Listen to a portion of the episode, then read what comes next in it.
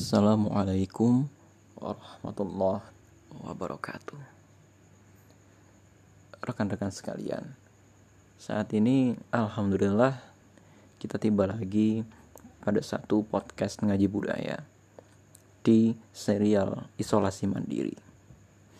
Serial Isolasi Mandiri ini dibuat untuk mengisi rubrik-rubrik kecil atau diskusi-diskusi kecil yang tidak seserius rubrik reguler yaitu pembahasan sirah nabawiyah. Sama-sama kita doakan rekan-rekan kita yang masih berjuang melawan penyakit COVID-19. Saya pun memohon doa kepada diri saya pribadi yang masih belum terlalu sehat. Tapi saya tetap harus membuat konten untuk memastikan pikiran saya masih bekerja dengan baik dan untuk memastikan bahwa uh, apa yang saya sampaikan itu masih teratur. Karena sekali dua kali kita berhenti membuat konten, maka kita akan berhenti terus.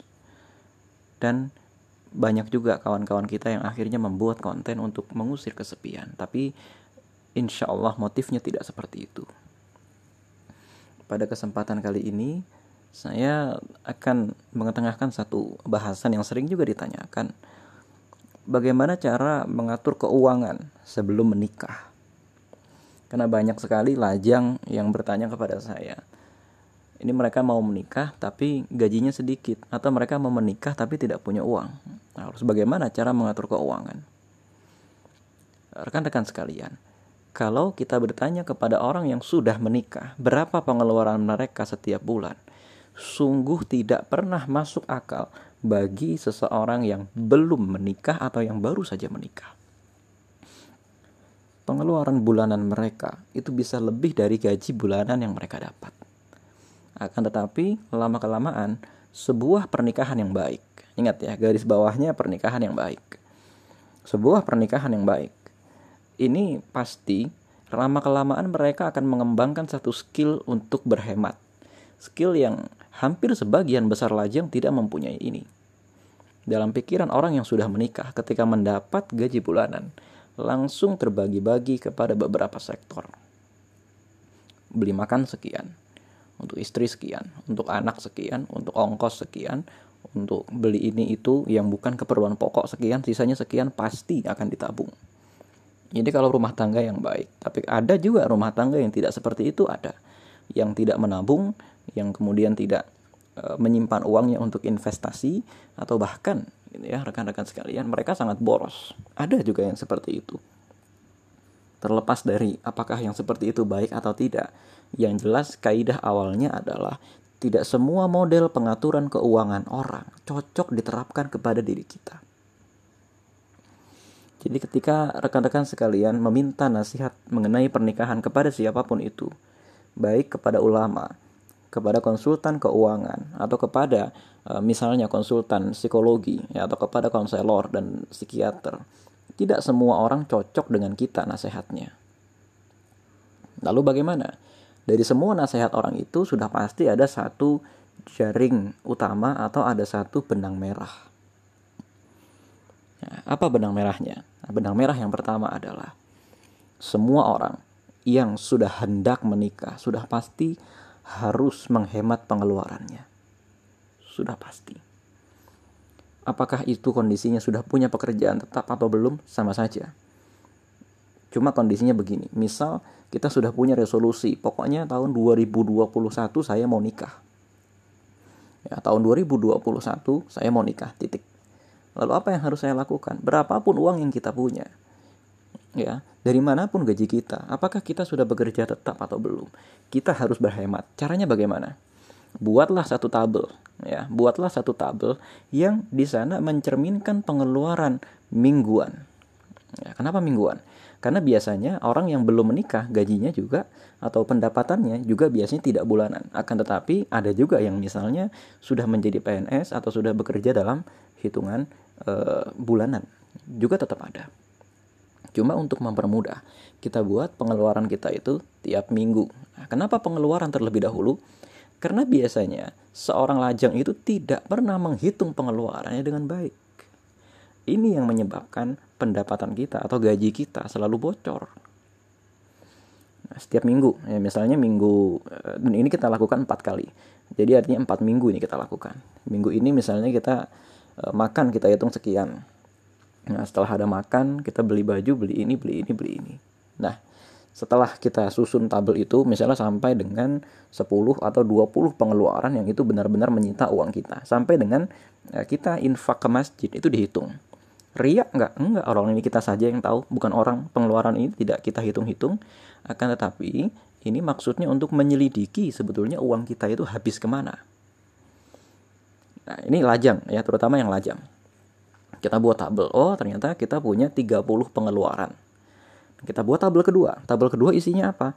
Kalau ini tabel pengeluaran saja, maka tabel kedua ini isinya adalah urutan prioritas dari pengeluaran wajib pengeluaran yang sifatnya sekunder sampai pengeluaran yang sifatnya tersier. Pengeluaran wajib itu apa saja? Makan, ongkos, pulsa. Nah, itu adalah pengeluaran wajib. Atau misalnya teman-teman harus membayar sesuatu yang sifatnya wajib. Makan, ongkos, pulsa. Nah, setelah itu nanti ada pengeluaran yang sifatnya sekunder. Pengeluaran sekunder itu bisa jadi ini wajib juga, cuma tidak segera di bulan itu. Atau bisa jadi ini pengeluaran yang tidak perlu-perlu amat, tapi kalau bisa sangat membantu kehidupan kita. Contoh, bayaran kuliah. Ini kan tidak kita bayar satu bulan sekali, tapi ini kita bayar enam bulan sekali, termasuk biaya UTS, termasuk biaya-biaya yang tidak terduga seperti uh, studi lapangan dan lain sebagainya kita hitung di sini. Apalagi buat rekan-rekan yang sedang skripsi. Biasanya orang-orang yang sedang skripsi, uangnya itu lebih banyak habis untuk membeli snack selama dia mengerjakan skripsi atau membeli kopi mahal. Nah, ini kita hitung ya. Misalnya oh ternyata kita dapatkan nih ada empat pengeluaran sekunder atau empat pengeluaran jangka panjang tapi harus kita keluarkan. Kalau tadi pengeluaran wajib pertama makan, ongkos, minum, listrik, pulsa dan lain sebagainya. Dan pengeluaran tidak wajib ini misalnya satu bayaran kuliah. Dua kumpulan tugas-tugas, beli kertas dan lain sebagainya. Yang ketiga eh, untuk deal motor atau perbaikan-perbaikan motor. Ini tentu beda dengan bensin. Misalnya sebuah motor itu rata-rata satu bulan sekali dia harus cek ganti oli dan lain sebagainya. Itu contoh. Ya, selain motor misalnya eh, pengeluaran sekunder yang ada misalnya ada kondangan sehingga kita harus membeli hadiah atau misalnya kita harus membeli seragam baru untuk pekerjaan kita atau misalnya kita harus mengupgrade sesuatu yang itu adanya satu bulan sekali. Nah, lalu kita bagi lagi yang namanya pengeluaran tersier. Nah, pengeluaran tersier itu pengeluaran yang enggak juga enggak apa-apa, ya, tapi dikeluarkan sebenarnya ini agak membebani gitu loh. Yang pertama, pengeluaran tersier itu adalah jalan-jalan dan makan bersama teman. Kalau kita makan bersama teman di restoran, harga makanannya memang hanya 15.000 misalnya. Tapi di sana kita jadi beli es, di sana kita jadi bayar parkir dan lain-lain sebagainya.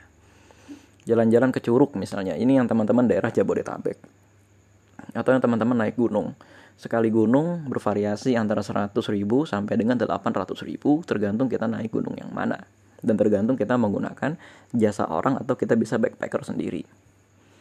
Nah, terus selain naik gunung misalnya kita juga membuat pengeluaran untuk hobi. Uh, nanti ada orang yang berkelit ya kan? Hobi juga bisa menghasilkan uang. Ntar dulu sabar. Ini kita lagi menata pengeluaran dulu hobi. Nah, hobi kita hitung sendiri. Oh ada yang hobinya naik uh, hobinya naik gunung tadi ya yang pertama. Terus yang kedua hobinya motor. Yang ketiga hobinya helm. Lalu yang keempat misalnya hobinya elektronik. Atau yang kelima misalnya hobinya buku. Ini tetap termasuk ke dalam hobi. Meskipun hobi buku dan hobi elektronik ini bisa jadi menjadi aset masa depan. Atau hobi media sosial ini bisa menjadi aset masa depan misalnya yang orang-orang desainer ya atau orang-orang yang bekerja di sektor uh, apa sektor digital tentu mereka harus membeli software yang berlisensi ya. Tentu mereka tidak boleh membeli barang bajakan. Nah, begitu juga orang-orang yang hobinya masalah pendidikan. Tentu dia harus membaca buku. Nah di sini kelihatan oh ini toh ternyata pengeluaran saya selama sebulan. Nah, pengeluaran keempat ini pengeluaran yang sifatnya tentatif. Kayaknya bakal ngeluarin ini deh. Apa itu? Satu kondangan. Ya, dua infak dan sedekah. Yang ketiga zakat fitrah. Nah, gitu ya. Kondangan ini tanpa disadari itu keluar uang. mungkin kita harus beli hadiah dan lain sebagainya ya yang kedua zakat fitrah nah, terus yang ketiga tadi infak dan sedekah ke masjid yang cuma cuma seribu bayar parkir misalnya kan kebanyakan orang bayar parkir gara-gara sedekah ini ya bukan gara-gara memanfaatkan jasa parkir sebetulnya atau yang ketiga misal atau yang keempat ya bukan yang ketiga misalnya dia harus e, datang ke kajian dan untuk datang ke kajian itu dia harus beli sesuatu misalnya sebagai persyaratan atau mendaftar kajian itu. Termasuk juga kalau dia ikut ke sebuah organisasi yang mana dia harus infak. Meskipun kalau tidak infak juga biasanya tidak ditagih. Nah dari sini terserah itu besarannya berapa kita hitung semuanya. Nah kalau kita sudah bersiap-siap untuk menikah maka kita harus mencoret satu persatu pengeluaran apa yang tidak penting. Saya terakhir kali naik gunung sebelum menikah itu kurang lebih terpaut jarak satu tahun. Ya, satu tahun. Kenapa? Karena saat itu memang saya harus menghemat pengeluaran saya. Apalagi pada saat itu saya sedang dalam keadaan tidak bekerja, jadi hanya mengandalkan proyek-proyek lepas begitu saja, yang uangnya juga uh, tidak saya dapatkan setiap kali itu ada, gitu ya. Nah sekarang e, bagaimana cara mengatur pengeluaran. Kita balik lagi ke arah situ. Nah, dari berapapun pendapatan kita satu bulan, kita buat tabel kedua tadi. Ini tabel pertama itu isinya pengeluaran. Kita buat tabel kedua. Tabel kedua ini sifatnya pendapatan bulanan. Satu, pendapatan yang sifatnya tetap. Oh, ada yang dari orang tua, ada yang dari kerjaan. Lalu pendapatan yang sifatnya tentatif, project yang kita kerjakan. Nah, selain project kita dapat hadiah kita ikut lomba. Selain hadiah kita ikut lomba, misalnya kita dapat uh, misalnya tunjangan dari siapa dan lain sebagainya. Meskipun sebetulnya kalau tunjangan dengan lomba jangan sekali-kali dimasukkan ke dalam pemasukan. Karena itu sifatnya tidak bisa digunakan sebagai pegangan dalam pernikahan. Itu adalah bonus saja. Nah, dari berapapun gaji kita atau dari berapapun pendapatan kita selama satu bulan, selalu luangkan kira-kira 30% dari semua uang yang masuk ke dalam dompet kita. Kalau satu juta, maka yang bisa kita pakai cuma 700 ribu. Dah. Kalau e, 2 juta, maka yang kita bisa kita pakai tinggal 600 ribu. Kalau gaji kita 3 juta, ini sudah termasuk dengan gaji yang lain-lain, maka yang bisa kita sisihkan ya, itu berarti sekitar 1 juta. Sekitar itu, pasti.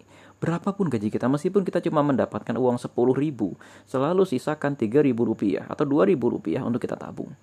Besaran e, berapa tabungan yang disarankan oleh para ahli keuangan rumah tangga itu berbeda-beda.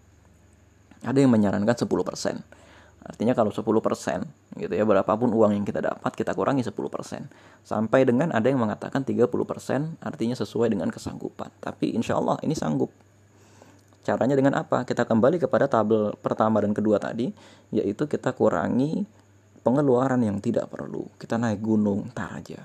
Ganti handphone, entar aja. Ya, beli software, entar aja. Ya, entar aja. Ganti helm, nanti, nanti, nanti. Karena antum ini mau menikah. Antum mengatakan, bulan ini saya mau menikah, atau tahun ini saya mau menikah, atau Pokoknya saya azamkan, saya sudah proses dengan seseorang. Ketika antum sudah membuat proposal ta'aruf, ketika antum sudah membuat e, janji untuk menikahi seseorang atau ketika antum bahkan sudah diterima proposalnya untuk menikah. Saat itu juga ketatkan pengaturan keuangan. Ya, ketatkan pengaturan keuangan. Jangan pernah berteman dengan orang yang akan menghabiskan uang kita tanpa kita sadari. Ini ada jenis-jenis pertemanan yang membuat kita terlambat menikah. Ada jenis-jenis pertemanan semacam itu. Nah, kira-kira itu ya rekan-rekan sekalian ini cara mengatur keuangan bagi kita sebelum menikah. Jadi dari gaji kita ya pasti dikurangi 30% ini kalau kita mau menikah. Yang resikonya berarti udah jangan beli buku dulu. Ya, udah kondangan kurangin dulu ya. Terus yang ketiga e, misalnya gitu ya. Ada ada infak-infak yang kurang perlu. Loh, ada infak yang kurang perlu? Iya, ada. Ya, infak yang kurang perlu tuh misalnya bagaimana? Uh, uh, misalnya infak memang sengaja kita cari-cari karena apa? kalau kita niatkan menikah untuk beribadah kepada Allah, maka tegakkan dulu ibadahnya kepada diri kita, ya baru kemudian kita mikirin orang lain. Karena kalau nggak gitu, ya barangkali antum nanti nggak nikah nikah. Ya, meskipun setiap orang pasti jawabannya beda-beda nanti. Akan tetapi tidak semua orang mampu untuk bersedekah sambil menunggu pembalasan dari Allah. Nah itu ya. Insya Allah rezeki dari Allah Subhanahu wa Ta'ala itu cukup, asal kita mampu memanajemen keuangan kita sendiri. Jangan pernah membeli sesuatu yang tidak kita perlukan. Ya, kita sekedar ngelihat gamis pengen, ya, kita sekedar lihat buku baru terus pengen, atau misalnya kita sekedar melihat eh, curug baru pengen, ada helm apa segala macam pengen, ya. Apalagi pengeluaran pulsa dan lain sebagainya yang kadang-kadang kurang terprediksi. Nah, ini dia yang apa yang jadi masalah gitu ya. Kira-kira itu. Assalamualaikum warahmatullahi wabarakatuh.